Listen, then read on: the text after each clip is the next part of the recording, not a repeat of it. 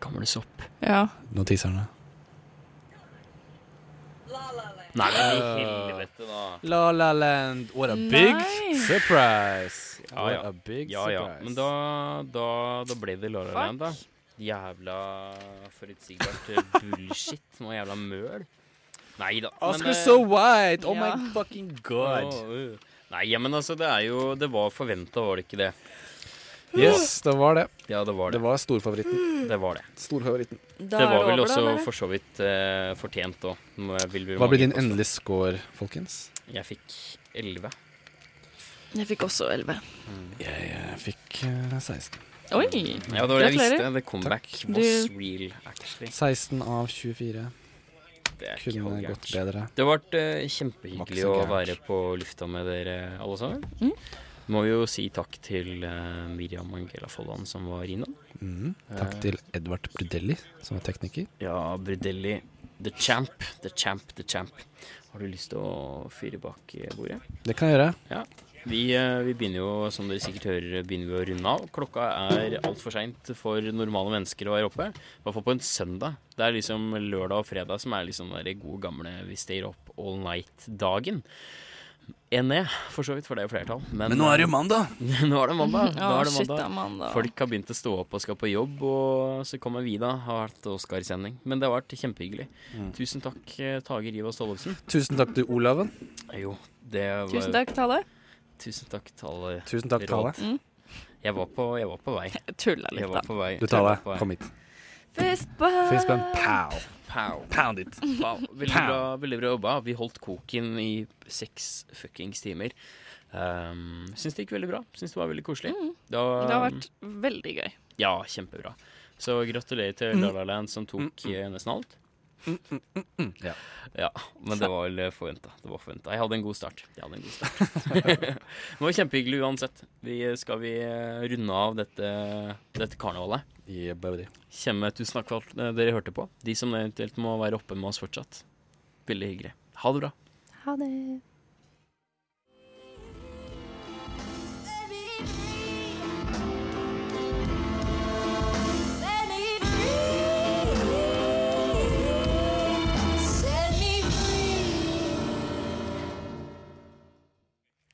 Hva i helvete er det som skjer?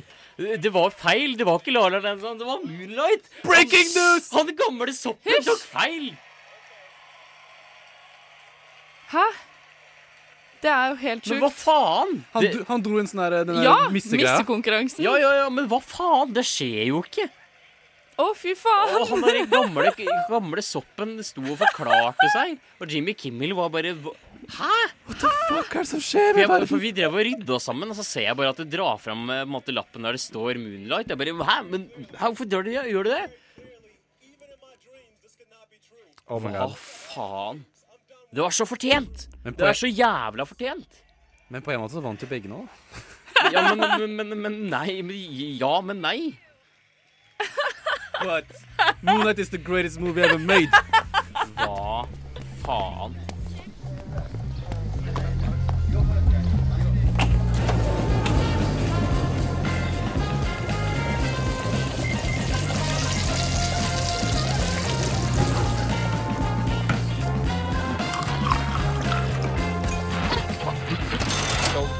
Du hører nå på Lunsjpod. Det siste 24 fra Radio Nova.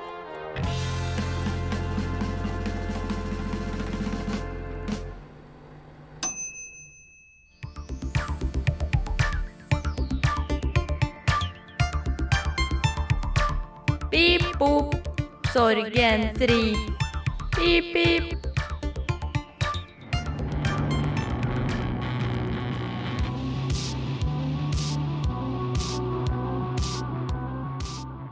Det dystopiske narrativet er godt utforska i litteraturen, og mange av dem har igjen blitt adaptert til skjermen.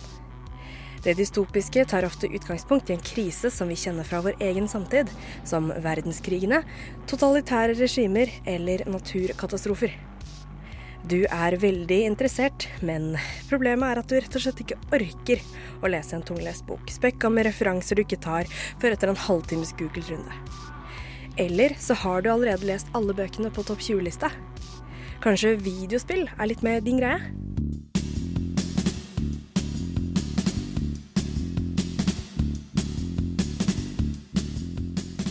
Wolfenstein The New Order kom ut i 2014 på alle plattformer og er en kreativ omskriving av faktisk historie. Spillet, som er en del av en serie, tar utgangspunkt i Nazi-Tysklands herjinger under andre verdenskrig. I denne verden er det Tyskland som finner opp atombomben først, og med menneskehetens mest frykta masseødeleggelsesvåpen tvinges de allierte i kne, og Tyskland går seirende ut. Du spiller som den amerikanske soldaten William Blaskowicz. En staut, tysk, mystisk dude med brei sørstatsdialekt og med ett oppdrag nazislakting.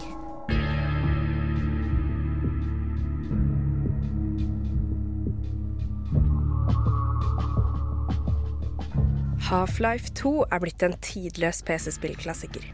Spillet kom ut i 2004, men er fortsatt et helt vanvittig fett spill. Vi spiller som dr. Gordon Freeman fra Seattle, en mann med en interessant dualitet ved seg. Han er nemlig både uteksaminert med doktorgrad i theoretical physics ved MIT, samtidig som han er en nådeløs og rå soldat. Gordon er ansatt som forsker ved Black Mesa Research Facility, og i oppfølgerspillet Half-Life skapes det en rift mellom dimensjonene som gjør at aliens kan ta over jorda. Og det gjør de. Også denne historien tar utgangspunkt i vår faktiske verden, og leker med ideen hva hvis? Jordas ressurser, i tillegg til menneskene, blir utnytta av den utenomjordiske rasen Combines i deres multidimensjonale imperium. 20 år etter Black Mesa-ulykken er det igjen opp til Gordon å knuse overherdene med lite annet enn overmot, hevdrakta og et kubein.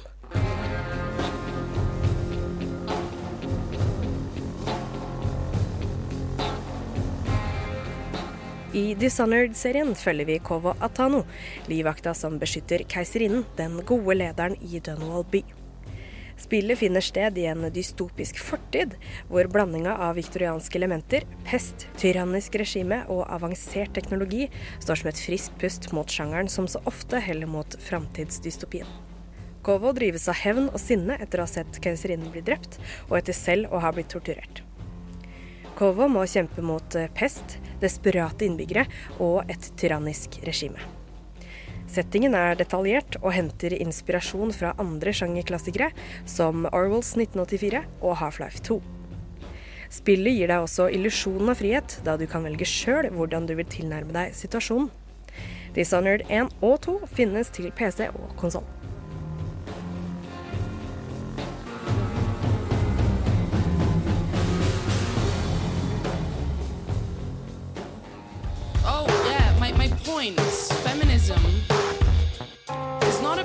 Being better than men. Is it? Et eget rom prøver å finne ut hvor mye feminisme egentlig kan være. Hver mandag på Radio Nova.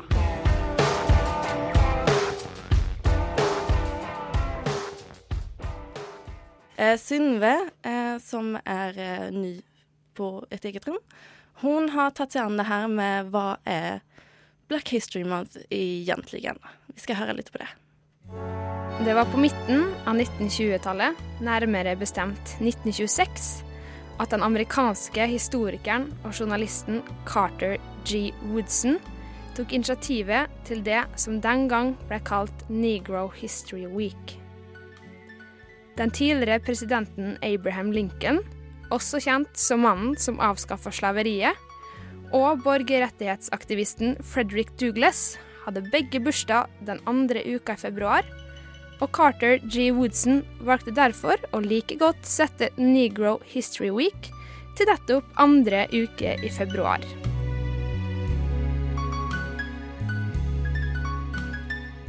Bakgrunnen for arrangementet bunna i Woodsons misnøye med historieundervisninga på offentlige skoler i USA. Han mente rett og slett at amerikanske elever fikk for dårlig og for lite undervisning om den svarte befolknings historie. Han var spesielt redd for at svarte barn ikke skulle lære om alt deres forfedre hadde oppnådd. Woodson uttalte at hans langsiktige mål var at man i framtida ikke kom til å trenge en Negro History Week, fordi svart historie måtte bli en naturlig del av amerikansk historie.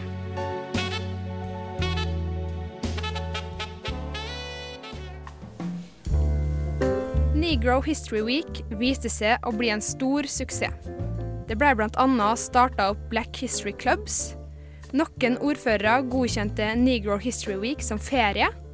Og stat etter stat utvida fra Negro History Week til Negro History Month. I 1976 ble denne utvidelsen offisielt godkjent av daværende president Gerald Ford.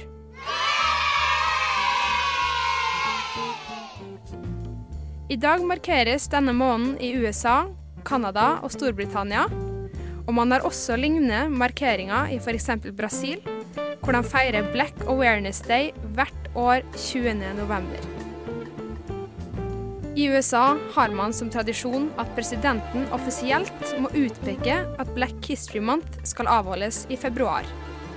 Og i år var det Donald Trump sin tur. Last month, we celebrated the life of the Reverend Martin Luther King Jr., whose incredible example is unique in American history. You read all about Dr. Martin Luther King uh, a week ago when uh, somebody said I took the statue out of my office.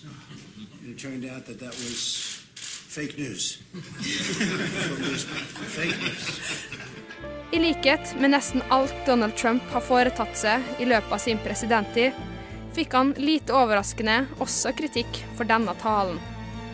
Folk mente at Trump framsto likegyldig, selvsentrert og lite troverdig, og at den faktiske sannheten kom fram. At Donald Trump ikke bryr seg om svartes rettigheter. Men det kan da vel umulig stemme? I anledning Black History Month er det ikke bare Donald Trump som får kritikk. Det finnes også en god dose mennesker som kritiserer markeringa i seg sjøl. Noen mener bl.a. at Black History Month er diskriminerende overfor hvite, da det ikke eksisterer noen White History Month. En annen uttalt kritiker er den amerikanske skuespilleren Morgan Freeman, som har følgende å si om markeringa. Ridiculous. Why? You're going to relegate my history to a month? Oh, come on. what do you do with yours? What, which month is White History Month? Han mener altså at det er latterlig at svart historie komprimeres til én måned. Hvorfor kan man ikke ha fokus på det året rundt? På tross av kritikk feires og markeres Black History Month av utallige mennesker i verden. Spesielt av amerikanske skolebarn som gjennom hele februar får et ordentlig dypdykk i kampene som bl.a. Rosa Parks, Martin Luther King jr. og Malcolm X kjemper.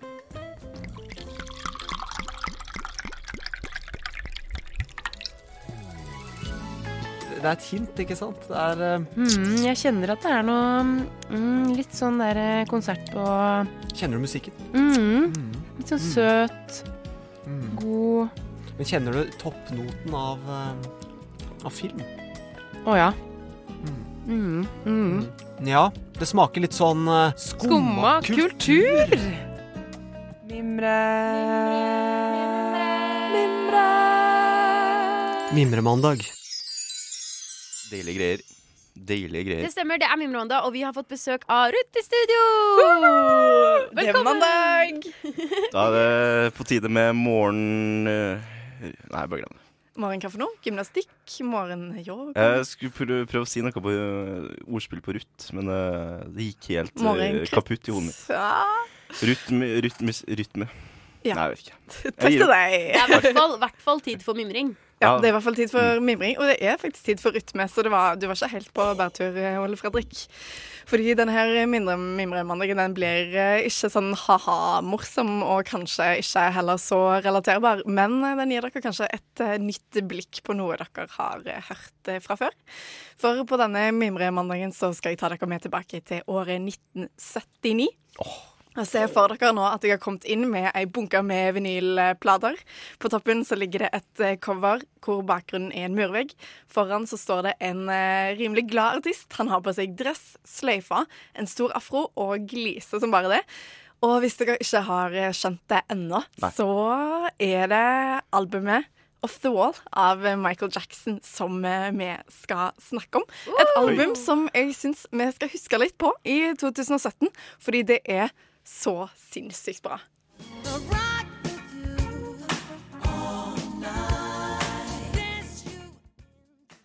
Det er det femte soloalbumet til Michael Jackson, og det er ikke et eh, hva som helst eh, album, fordi eh, som vi vet så vil han jo komme ut på tur litt etter hvert i karrieren.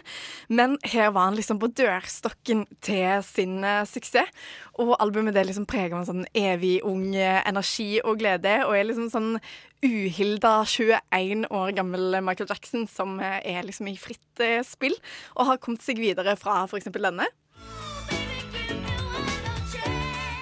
Og denne.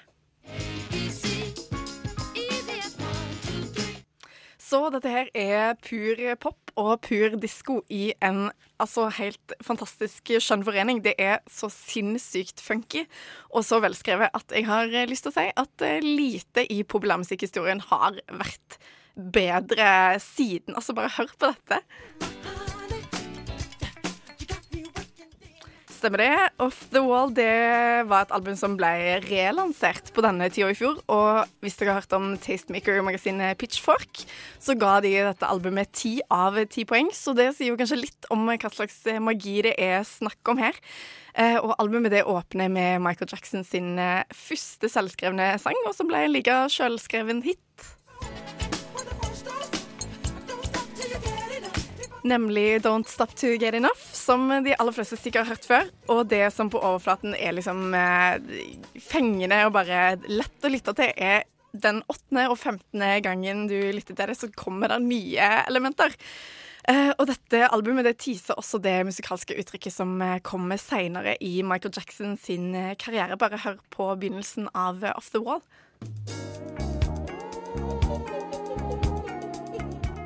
Er ikke det der en rolig referanse til thriller, så vet ikke jeg. Hmm. Og så må jeg òg bare trekke fram det instrumentet som jeg syns blir brukt altså aller best på dette albumet. Hør på dette. Altså, Maken til groove på den bassen der, som på den låta som heter Get On The Floor, det har jeg ikke hørt eh, siden. Og så kommer balladen. She's Out of My Life etter den. Og seriøst, her kan alle dagens balladelegender som eh, John Legend bare gå og legge seg.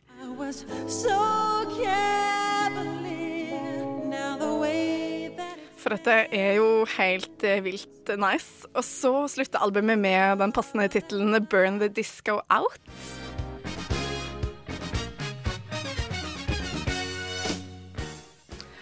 Og jeg må bare si at jeg er den siste til å klage på måten dagens musikk høres ut på, for jeg syns det er sinnssykt, sinnssykt mye bra musikk som eh, er liksom lyden av vår tids populærmusikk. Men likevel, når man liksom hører disse blåserekkene og dette organiske og fantastisk produserte av legenden Quincy Jones, så gir det i det minste meg en slags liksom fortvilelse om at musikken aldri noen gang igjen vil være sånn her originalt. Hver gang man skal lage noe som ligner på dette, så vil det liksom være retro eller nostalgisk, på en måte. Så dette kommer liksom aldri til å være lyden av nå igjen. Men det er ikke sikkert det gjør noe. I 2017 syns jeg uansett vi skal bruke litt grann tid på å mimre tilbake det som faktisk er Michael Jackson sitt aller beste album. Et album som gjør at selv 40 år etter det ble gitt ut, så sitter vi tre her i studio og svinger oss og har lyst til å danse. Nei.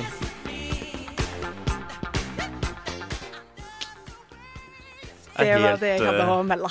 Det er, det, man gruver til hver eneste lille snutt her, altså. Jeg er helt, uh, helt overvelda. Ja, Jeg har en tårer i øynene, nesten.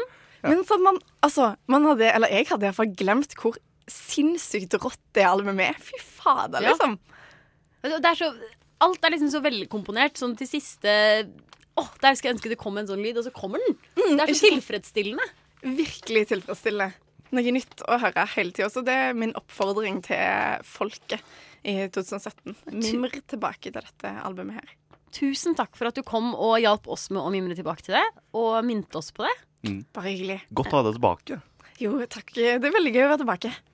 Vi, vi venter, venter oss mer. Mer fra denne, denne kanten. Det, det skjer. Hey baby, hey, hey beautiful girl. Frokost er best i øret. Baby, hey, hey, hey, hey beautiful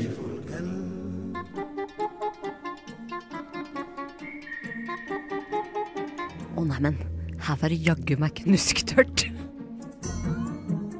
Hva, tenker han, har de funnet meg her? Jeg som trodde jeg var så langt borte. Hva er det han ser i horisonten? Graven ligger klar. Han er alene. Mars er dødt. Manusforfatterne. Det stemmer. Manusforfatterne denne uken er Fredrik. Hei. Og Anders. Og Theis heter jeg. Jeg er regissøren, da. Hei. Eh, dere skal få lov til å skrive et filmmanus for meg. Dere skal, dere skal si annenhver setning i dette manuset. Ja, eller annenhver setning med leddsetning, eventuelt to setninger. Dere bestemmer litt selv. Eh, Det gikk nettopp opp for meg hvor late regissører er. Ja. Det var sånn, vær så god, skriv ja, en film for meg. Skriv filmmanus. Gnå. Men når filmen feiler totalt, så er det jeg som må få smellen. Ok. Ja, det er høres, jeg får også det høres all- veldig bra ut. jeg får også all æren når eh, den selger til millioner. Jeg kommer til å legge noen føringer for hva slags film dette er, så jeg skal, ta, jeg skal være litt kreativ. Eh, hovedperson, eh, eller den som skal være hovedperson denne uken, det er eh, vår alles kjære Eivind Hellstrøm. Mm. Dere kjenner til han. Ja, ja, ja. Ja. En ganske kjent eh, kokk, i hvert fall. Og filmen finner sted i Rio de Janeiro. Nice. Så Copacabana, fotball, strand, favela, mye som kan skje der. Mm. Uh, og sjangeren jeg ønsker, er at det skal være en sportsfilm. Okay. Det, det, har liksom, det lages jo sportsfilmer av og til, og det kan være om fotball, om uh, Formel 1, om basketball, baseball, amerikansk fotball. Det, det skjer jo av og til. Det er ikke så mange av de som blir veldig gode, men det hender. Eh, så da skjønner dere konseptet. Ja. Fredrik, du skal få lov til å starte manuset. Eh, og så har jeg litt sånn stemningsmusikk under her som liksom setter stemninga som stemningsmusikk skal. Så Eivind Hellstrøm, Rio de Janeiro og eh, Sportsfilm. sportsfilm. Helt riktig. Så da sier jeg action.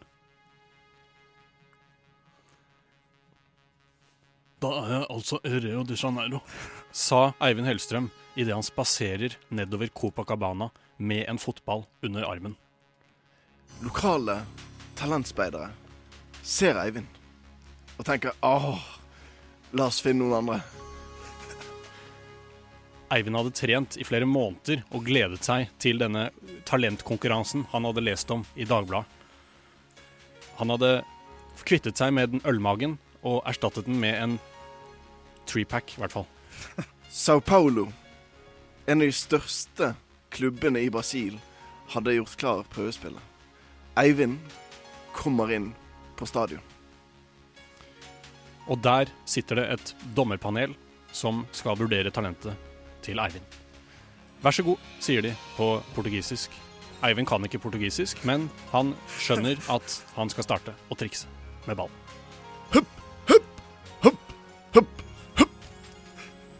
Takk for meg.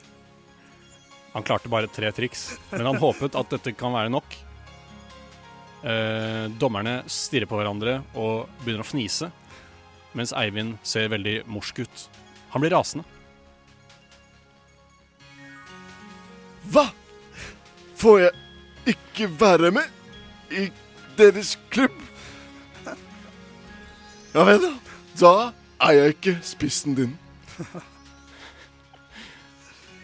Men dommerne forstår ikke norsk, og Eivind Hellstrøm er fra Moss. Så det oppstår en veldig komplisert situasjon og litt sånn klø klønete situasjon, sånn sitcom-aktig stemning. Vi begynner nærmest nærme klimakset i filmen. Vamos a hva hva fotball. Eivind blir rasende. Han, han skjønner ikke portugisisk. Og han vil så gjerne vinne dette, dette konkurransen, eh, talentkonkurransen. Han er lei av kokkeriet. Han tar ballen, sparker mot dommeren. Ja, dommerne. Ai, caramba. Siste scene nå, Fredrik.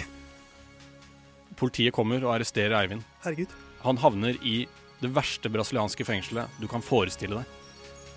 Og resten av filmen handler om hans vei ut av fengselet. Det kommer i film nummer to, kanskje. Kanskje. Oppfølger. Nei, vet du hva. Dette, jeg er veldig imponert. Hva heter filmen? Jeg er ikke spissen din. Var det det?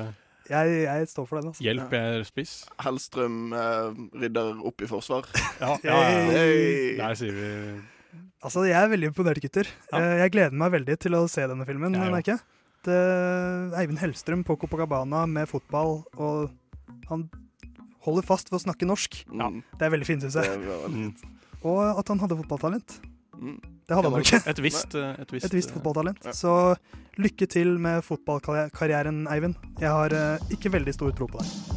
Så begynner jeg å tenke på ja, jeg er jo egentlig ganske eh, sur på den norske stat. Og jammen skal jeg gå og klage. Hvor går jeg da? Klagenemnda. Denne uken eh, så skulle jeg sette meg ned med et godt glass eh, rødvin og se Dagsrevyen klokken 21, i håp om å få mer informasjon om båtforlis, Syria, USA Dere vet, liksom de klassiske nyhetssakene som preger eh, vår samtid. I stedet så får jeg dette.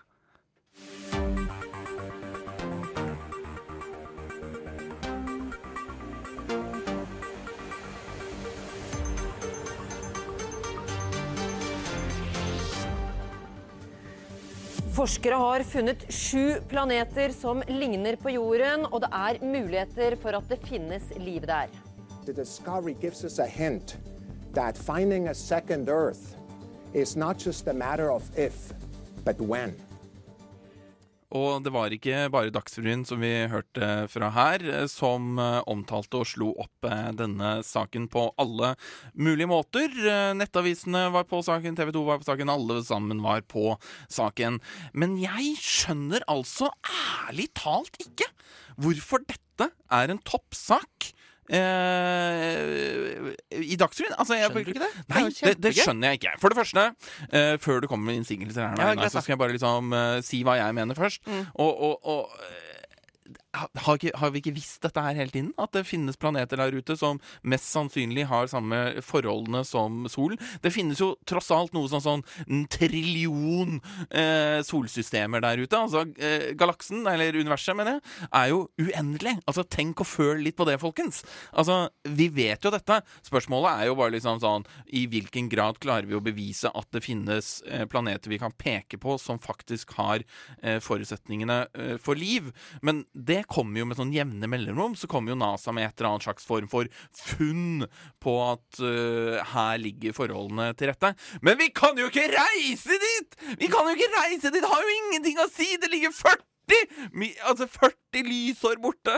Det er jo liksom helt håpløst. Det er jo ikke noe vits å snakke om. Det er jo helt fuckings bortkasta. Kan vi være så snill å fokusere på Mars? Altså, la oss ha en reise dit. La oss lage en liten koloni på månen. Slutt å på en måte fokusere så jævlig mye på ting som ligger så uendelig langt der borte. Ja, men det er jo, for En ting er jo at man kan regne ut eh, at det fins ting der borte, eh, basert på sånne teoretiske modeller og regnestykker og sånn. Det har man jo kunnet gjøre kjempelenge. Ja, men det at man. man faktisk kan klare å finne noe konkret, det er jo ganske gøy, da. Ja, men jeg føler faktisk ikke Altså, det er mulig jeg, jeg blander liksom Litt vanskelig å imponere, vil jeg si. Altså. Ja, ja, men det er mulig at jeg blander saker. Men jeg, jeg føler på mange måter at dette er en avsløring Mm. som ikke er så uh, ny, da. Jeg føler på en måte at med jevne mellomrom så kommer det en eller annen nyhetssak som handler litt om det samme. Så skjønner jeg vel at her er det snakk om at man liksom veldig klart og tydelig har identifisert en, eh, en sol som har ganske mange planeter rundt seg som oppfyller visse vilkår. Men, men det er litt sånn det er liksom what the fuck, da. Altså uh, who, who gives a fuck? Men de, er- de viktigste innsigelsene jeg syns uh, jeg kan komme på mot dette, er jo eh, fordi man, Ofte så tenker man jo at det er noen, noen sånn kriterier for at det skal være liv et sted på en planet. At det må være vann, og at det må være inn, temperaturen må være innenfor et visst sånn, spekter.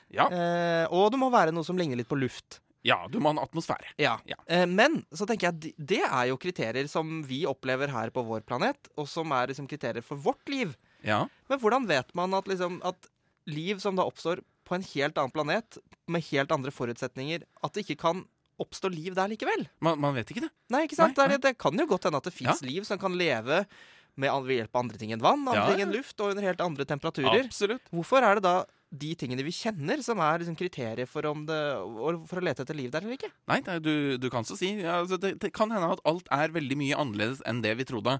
Vi må ikke glemme, folkens, at det er ikke mange hundre år siden vi på en måte var ganske overbevist om at jorda var flat.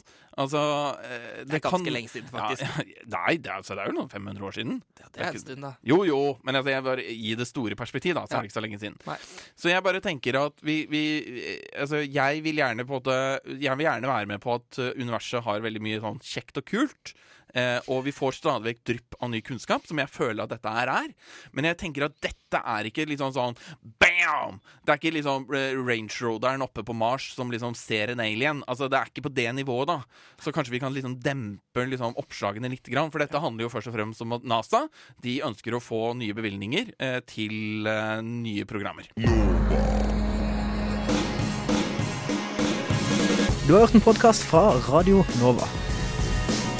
Likte du det du hørte? Du finner flere podkaster i iTunes og på våre hjemmesider radionova.no.